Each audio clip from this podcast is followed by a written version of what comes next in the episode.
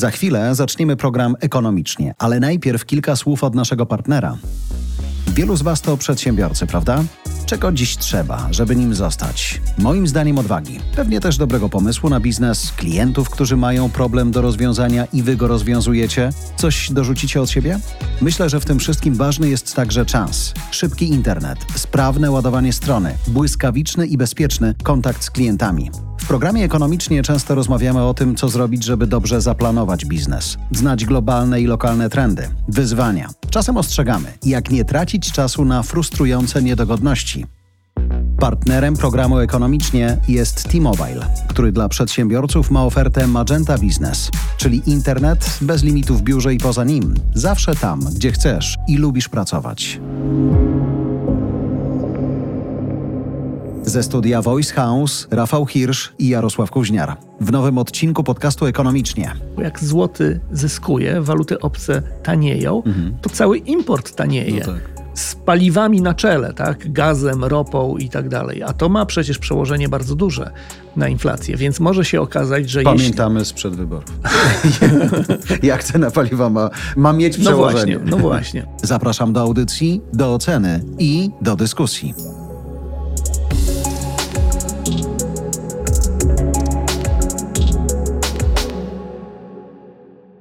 Czy ty jesteś gotów na to, żeby Tak. pokazać historyczne, rekordowe dane, jeśli chodzi o siłę złotego? Ale ja mam pokazywać? Możemy opisać to słowem, nie musimy teraz, A, broń Boże, dobrze. robić jakichś dziwnych Myślałem, rzeczy, zdejmować koszulek i grawerować sobie teraz na piersi. Nie wiedziałem, wiesz, na przykład. Dolar Tak. poniżej 4 zł albo euro najtańsze od. Ale jesteśmy w jakimś takim momencie, w którym złoty patrzy sobie po całym świecie i mówi: Zobaczcie, jak jestem silny. Mhm. Dane, które pokazywaliśmy w ekonomiczny in brief, mówiące o sile naszej gospodarki, myśmy przecież awansowali do największych gospodarek świata, tak oficjalnie, nie? Tak, tak. Chociaż na to to trzeba uważać, bo, no bo to właśnie zależy się optymizm. W ostatnim odcinku było go za dużo, więc wracamy. Nie, nie, no jest optymizm, bo faktycznie żeśmy awansowali, wyprzedziliśmy Turcję i jesteśmy w gronie 20 największych gospodarek na świecie. Powiem więcej, jak dolar spadnie do 3,80, to będziemy na 19 miejscu, wtedy dogonimy Szwajcarię. Przegonimy Szwajcarię. Okej, okej. Tylko, że tak jak wspomniałem przed chwilą, to zależy głównie od kursu walutowego, a kurs walutowy się zmienia, tak? Więc Bardzo no, dynamicznie. jak zejdziemy, po ile jest tam dolar, zszedł poniżej 4 złotych już, prawda? Aktualnie I tak. Kiedy siedzimy i ekstra. nagrywamy, tak. No to mówię, gdybyśmy doszli do 3,80, to wtedy, no bo te rankingi dotyczące tego, jak wielkie jest PKB w danym państwie i można sobie wtedy zrobić ranking największych gospodarek na świecie nominalnie. I byliśmy do niedawna w tym rankingu na 21 Mhm. miejscu. Te rankingi są zawsze robione według PKB w dolarach, czyli trzeba je przeliczyć na dolary. I jest pytanie, po jakim kursie to przeliczać.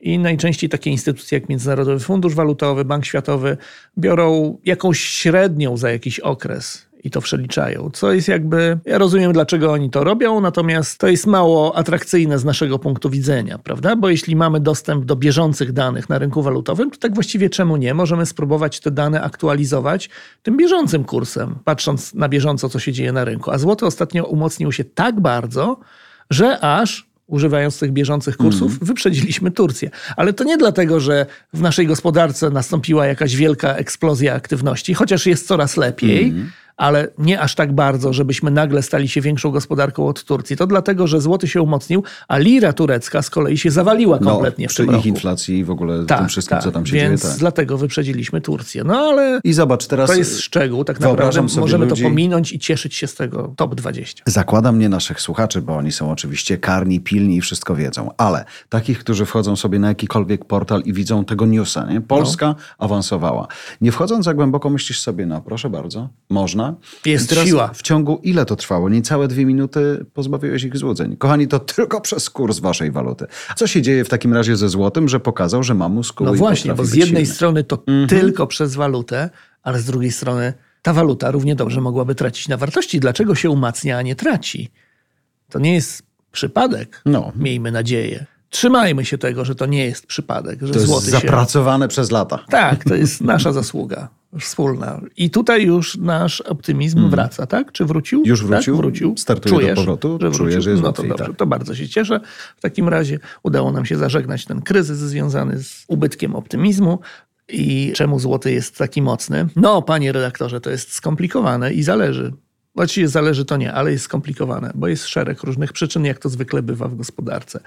I teraz Śmiało. wolisz lokalne czy globalne? Zacznijmy od dużego obrazka, później będziemy zbliżać się do naszego podwórka. Czyli od globalnych. Przyczyna globalna jest taka, że generalnie na całym świecie się poprawiły nastroje na rynkach finansowych i zyskuje na wartości zdecydowana większość walut na świecie w relacji do dolara, a dolar traci. Bo najczęściej tak jest na tym rynku, że jest dolar kontra reszta świata. I jak dolar zyskuje, to praktycznie większość innych walut traci i na odwrót. I teraz mamy taką fazę, że większość walut zyskuje, a dolar traci, co jest jakby fundamentem, dzięki któremu możemy w ogóle mówić o tym, że złoty się umacnia. Tak? On się umacnia bardziej niż inne waluty i do tego zaraz przejdziemy dlaczego. Natomiast jest ten fundament, bez niego w ogóle nie moglibyśmy w ogóle o tym mówić. Dlaczego jest ten fundament? I dlaczego dolar traci na wartości? Dlatego, że rynek doszedł do przekonania, że absolutnie nie będzie już żadnych podwyżek stóp procentowych w Stanach Zjednoczonych. Szczególnie, że ostatnio ich inflacja spadła. Właśnie. I to bardziej niż się wszyscy spodziewali. No właśnie, 3,2 chyba już wynosi z tego co pamiętam inflacja w Stanach Zjednoczonych, czyli jest rzeczywiście nisko. Są wprawdzie prognozy, że ona w przyszłym roku podskoczy znowu troszeczkę w górę, ale tak zwany konsensus na rynku jest taki, że to nie spowoduje, że Fed powróci do podnoszenia stóp procentowych. Wręcz są już zakłady na rynkach czynione a propos tego, kiedy zacznie obniżać Obniżać. stopy procentowe i wprawdzie członkowie Fedu się zastrzegają, że w ogóle o tym nie myślą i wy też o tym nie myślcie, nie ma takiego tematu, to jednak rynek w tej chwili obstawia, że gdzieś tam w czerwcu być może zaczną się obniżki stóp procentowych. No, to też jeszcze kawałek. A z walutami jest tak, że zyskują na wartości wtedy, kiedy jest perspektywa wzrostu oprocentowania, no bo stopy procentowe to jest oprocentowanie wszelkich aktywów finansowych w tym kraju, więc takich jak nie wiem, lokaty, obligacje i tak dalej, prawda?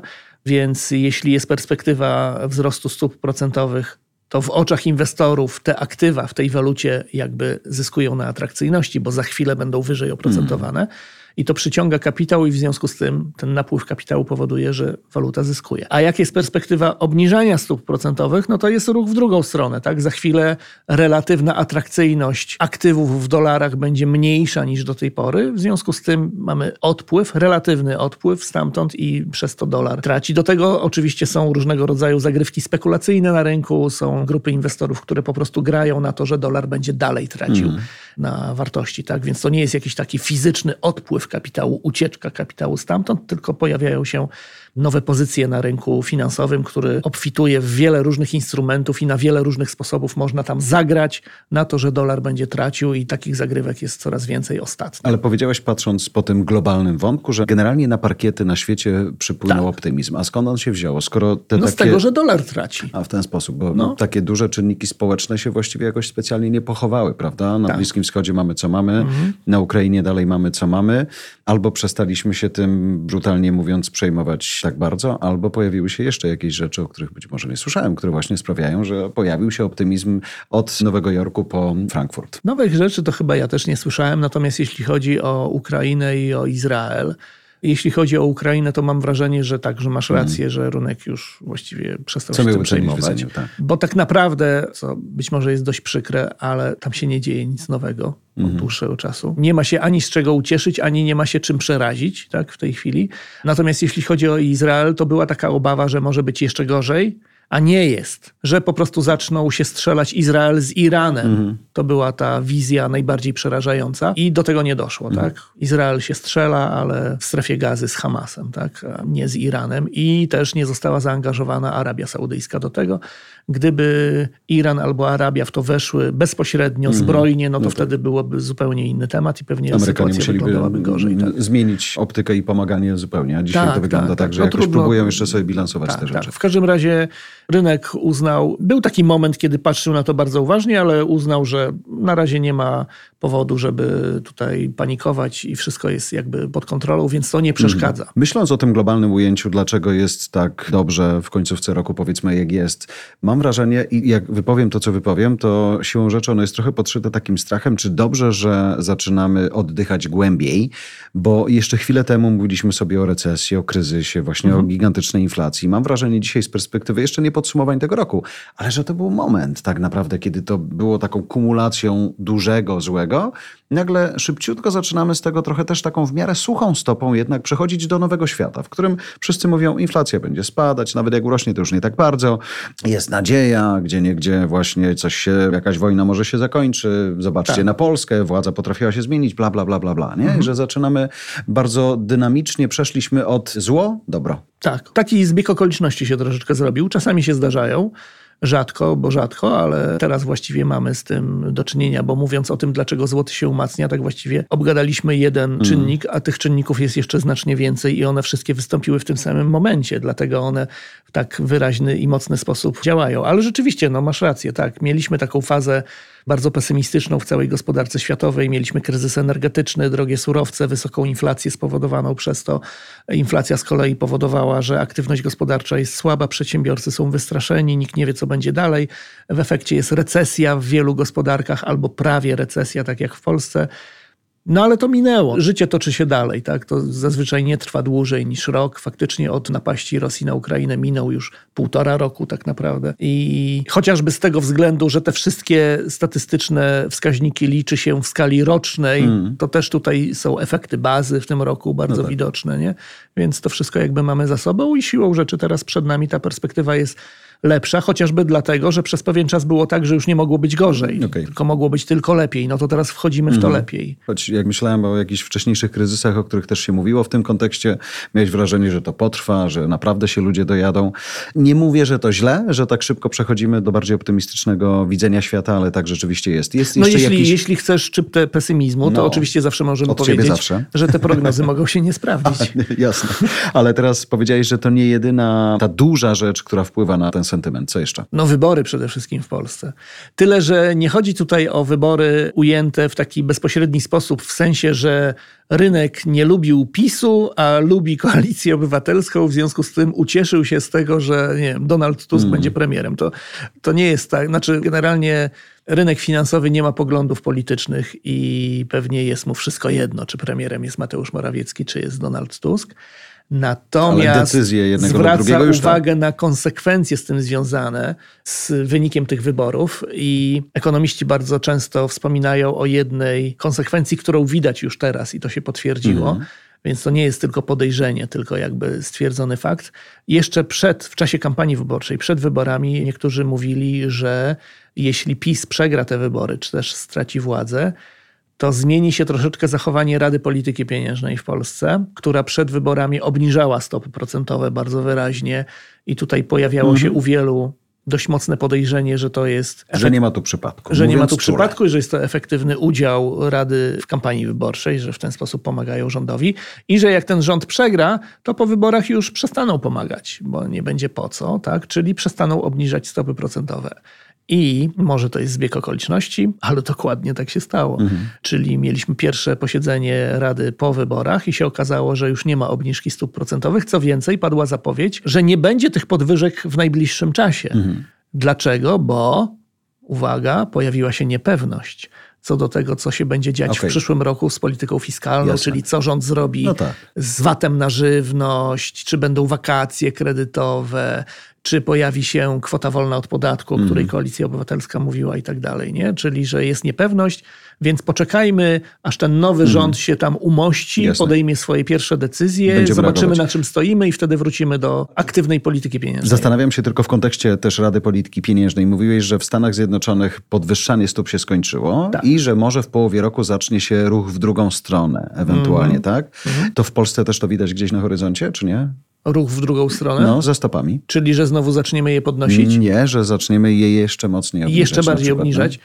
Znaczy, zaczęliśmy je obniżać, tak? Mamy za sobą dwie obniżki, były we wrześniu mm. i w październiku, i teraz ogłoszono przerwę. Przerwę wtedy. Jak I... długo potrwa, jeszcze nie wiemy. Tak, i zdecydowana większość ekonomistów twierdzi, że po tej przerwie dalej będą obniżki, że nie wrócimy do podwyżek, tylko dalej będą mhm. obniżki, tylko nie wiadomo, jak długo ta przerwa potrwa.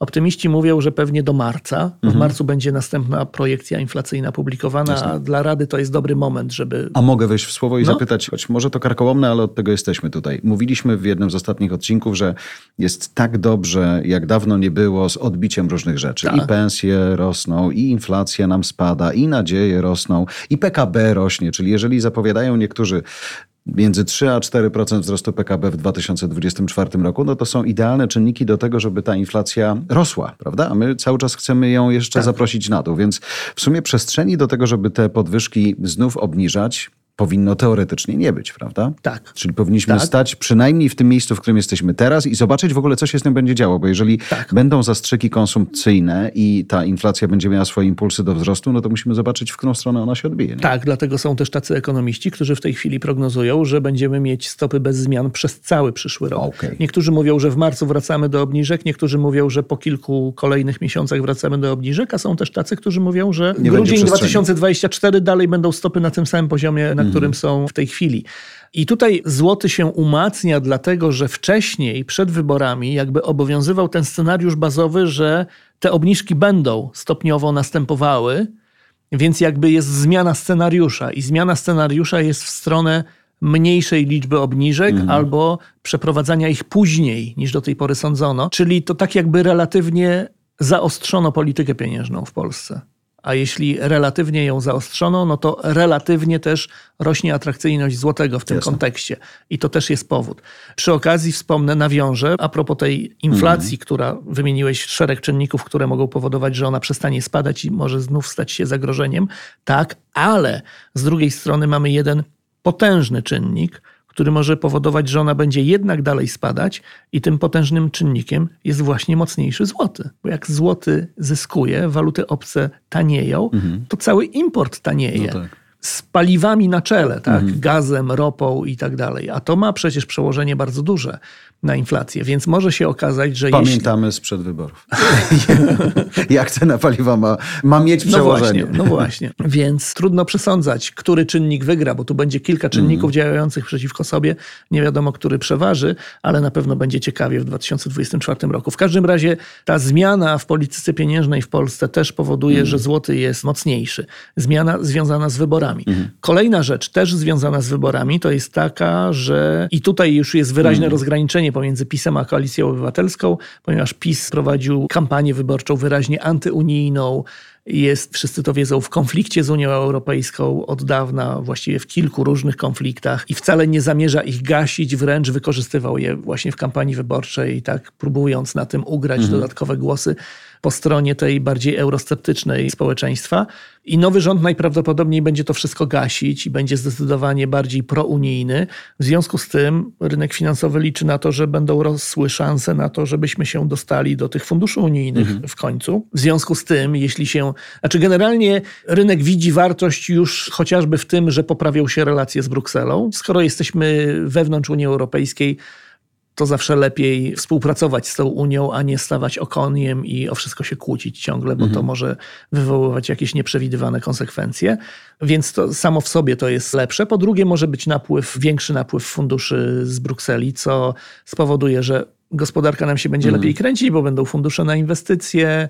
Będzie Szczególnie, te... że ja wiem, że to już jest dawno i można by było powiedzieć nieprawda, ale to są fundusze, które są funduszami takimi recovery, nie? czyli tak. popandemicznymi mhm. jeszcze, chociaż już zapomnieliśmy tak. odpukać o pandemii i one przychodzą do nas z dużym opóźnieniem, choć wynegocjowane dawno, dawno temu, więc też jest tak, że to nie są pieniądze na cokolwiek, tylko one są bardzo wyraźnie znaczone. Tak, chociaż tam jest dużo różnych rzeczy, które w ogóle się nie kojarzą z pandemią, na przykład jest bardzo dużo pieniędzy przeznaczonych na modernizację energetyki. Mhm. No tak. Ale dla nas to jest super, no bo my jesteśmy właśnie u progu modernizowania i chcemy budować elektrownię atomową i stawiać coraz mhm. więcej mhm. źródeł odnawialnych, więc sam raz te pieniądze nam się przydadzą. Oczywiście taki napływ, stały napływ funduszy unijnych do Polski w bezpośredni sposób na rynku będzie też umacniał złotego, bo ten napływ oznacza, że przypływa do naszego kraju euro, a my realizując inwestycje będziemy płacić tym wykonawcom, mm. firmom budowlanym, które coś stawiają i tak dalej, jednak płacimy im w złotych, a nie tak. w euro, prawda? Więc te euro, które do nas przypłynie, trzeba wymienić na złote, co oznacza, że sprzedajemy euro i kupujemy złotego. Każda taka transakcja wpływa na to, że złoty staje się mocniejszy a tych transakcji będzie, no kurczę, no przecież Daj to jest Boże ponad sporo. 70 miliardów euro jest w funduszach spójności na kolejne 7 lat, więc jest tego dość sporo. Więc sam fakt otrzymywania funduszy z Brukseli to jest taka strukturalna cecha mhm. polskiej gospodarki, powodująca, że złoty powinien się jakby nieustannie umacniać. Znaczy, ciągle powinna być ta presja na umacnianie się złotego. Ona ostatnio była słabsza no bo z tymi funduszami mhm. właśnie różnie było, a poza tym mieliśmy inne czynniki. Inne czynniki z pandemią i wojną na czele. Natomiast jeśli to wszystko się uspokoi i wrócimy do normy sprzed lat, to generalnie ten czynnik powinien powodować nieustanną presję na coraz mocniejszego złotego. Choć mówimy właśnie. tylko o złotego w relacji do euro, czy także złotego w relacji do dolara? Bo zaczęliśmy Głównie od do tego, euro, że... no to się przełoży na dolara, to też zależy od relacji pomiędzy euro a dolarem też, mhm. więc to są naczynia połączone i tutaj trudno przewidzieć. Natomiast generalnie w długim terminie to jest korzystna okoliczność dla złotego i kolejną okolicznością korzystną, która też pojawiła się ostatnio, jest właśnie nadwyżka w handlu zagranicznym, mhm. bo mieliśmy deficyty przez ostatnie miesiące Głównie dlatego, że ropa była bardzo droga i gaz był bardzo drogi, bo w tych relacjach handlowych z zagranicą te surowce jednak grają dużą rolę, bo to jest główny składnik naszego importu. Więc jak te surowce są droższe, to import rośnie i pojawia się deficyt handlowy. Zwłaszcza, że jak jest kryzys w strefie euro, to my nie nadrabiamy eksportem, bo mm. eksport nam słabo schodzi, bo no tak. Niemcy, kupować. którzy zwykle kupują prawie połowę tego eksportu, leżą i kwiczą, bo sami mają recesję w tej chwili, więc ten eksport wygląda słabo niestety z naszej strony, ale import spada jeszcze bardziej, bo tanieje ropa i paliwa. I w związku z tym znów się pojawiła nadwyżka na rachunku, to się nazywa obrotów bieżących z zagranicą. I ta nadwyżka też oznacza, że po prostu więcej pieniędzy do nas wpływa niż od nas wypływa. I jak mamy taką sytuację, to złoty się od tego w sposób fundamentalny, mm. można powiedzieć, umacnia. Nie? Więc mamy i nadwyżkę w obrotach z zagranicą, i mamy nadzieję na odblokowanie funduszy unijnych, i mamy pozytywną z punktu widzenia złotego zmianę w polityce pieniężnej w Polsce. I do tego mamy korzystne zmiany, mhm. jeśli chodzi o nastroje na globalnych rynkach finansowych, i to wszystko jest dokładnie w tym samym momencie. Ładny miks. I naprawdę, przepraszam, że znów nie mogę wyjść z podziwu, że minęła chwila od tego, jak pamiętam, siedzieliśmy tu w środku wakacji albo chwilę po nich i zastanawiali się, jak to będzie wyglądało, jak będzie wyglądała ta końcówka roku, a powiało optymizmem. Nie dlatego, że to było jakoś tam przed wyborami i też świat nie był pewny, my nie byliśmy pewni, ale rzeczywiście dzisiaj patrząc globalnie po rynku, to, to odbicie jest niezłe i znów tak. dochodzimy trochę do takiego momentu, w którym, tak. Bo chciałem powiedzieć, że mówimy o złotym, że złoty no. jest super i się umacnia, a przy okazji tego złotego przecież giełda pobiła rekord też niedawno. No chociaż WIG... ona to umówmy się, ma z czego się odbijać, nie? Tak, ale WIG na najwyższym poziomie w historii się znalazł. I od początku roku 30% w górę. Pięknie. Piękny wynik. Nie zdarza się często. to prawda. Zacząłem się bać jednej rzeczy. No. Że kolejny odcinek za nami, który ma puentę, wiesz, dającą nadzieję. No. Czyli następny zrobimy znowu jakiś... Że, Poszukajmy jakiejś katastrofy. Że mieszkania drożeją i nie ma jak kupić. nie, no właśnie się okazuje, jeśli chodzi o rynek mieszkań, też przykując się na spotkanie z tobą i patrząc po tematach, to widziałem, że może to jest rzeczywiście temat na to, żebyśmy sobie usiedli i tylko o tym porozmawiali, ale że już łatwiej oszacować koszty budowy, więc zaczęli deweloperzy mhm. odmrażać jakieś projekty, które mieli, bo ziemię mają nakupioną, więc na to jakoś specjalnie nie cierpieli i zaczynają więcej sprzedawać niż oddawać. To znaczy, więc to też jest fajne. I nowe nowe oferty do sprzedaży, tak, czyli no, rośnie podaż. Zaczyna się dziać. Nie? Czyli też mieszkania powinny przestać drożeć. Teoretycznie, no stopy trochę spadły, więc siłą rzeczy akcja kredytowa może nie wystrzeliła w górę, bo do tego ma daleko, ale zaczęło się coś dziać, więc Ale ja się nie dam. Poruszenie. Jeśli naprawdę chcesz coś pesymistycznego, to niezależnie od tego, jaka jest sytuacja na rynku nieruchomości, to ja zawsze ci pokażę pesymistyczną stronę. Ponieważ jeśli mieszkania drożeją, to jest pesymistycznie, bo ci, którzy chcą kupić, nie mają jak, bo ich nie stać i bo jest za drogo. Mhm. Ale z kolei jak mieszkania nie drożeją, to jest pesymistycznie, bo ci, którzy już kupili, nie zyskują na tych mieszkaniach. Dziękuję. I Myślę, że.